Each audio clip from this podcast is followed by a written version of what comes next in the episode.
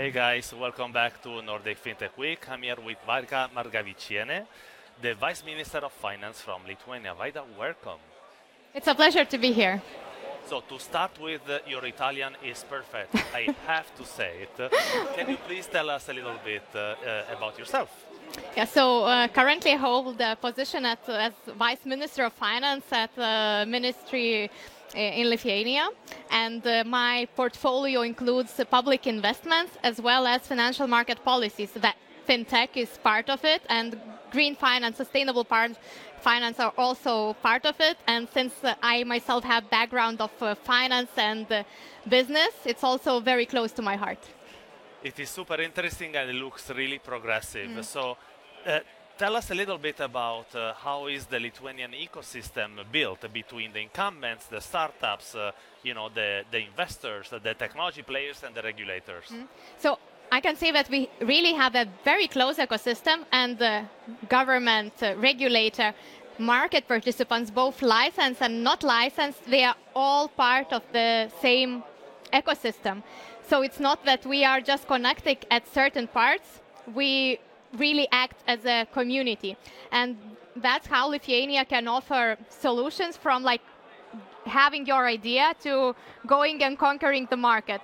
And uh, in that, we can uh, offer such from such practical things like how to find an office when you want to settle in Lithuania to like very kind of predictable and smooth licensing process for the licensed fintechs and then moving forward to finding uh, capital, like we provide access to business angels, to private equity, to uh, to also public investment schemes, and of course. Uh, fintechs need talent and uh, we then try as a government we try to have our people ready for the uh, digital economy for the smart economy so there are no fintech islands, right? And the fact that you're here, it means that uh, there is a lot of uh, cross-pollination that can be done uh, in between ecosystems. So I suppose that you do a lot of activities like this one when you come and talk uh, to share experiences with uh, other ecosystems, right?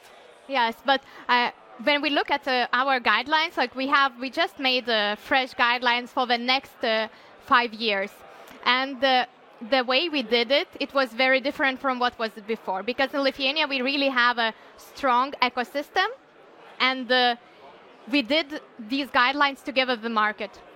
So in our guidelines, we have very different uh, activities from like uh, how to enable fintechs to grow, how to attract innovative solutions to Lithuania, how to become a, a hub of excellence, like how to have skilled workforce, how to stay reliable and safe as jurisdiction because we know that there are a lot of risks around, not only AML, but also cyber risk. So how we deal with it as a country and also as an individual company. And of course, we then go to these wonderful events and spread the word about our uh, ecosystem.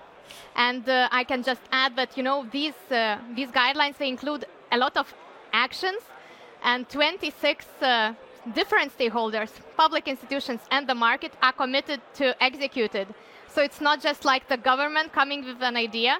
We really did it with the market. We asked the market what they need, what they're going to need in the coming five years, where they want to expand. And uh, that's how we did that uh, product. It's amazing. It's like you're buying a powerhouse. Mm. Vaida, thank you very much for being with us. Thank you.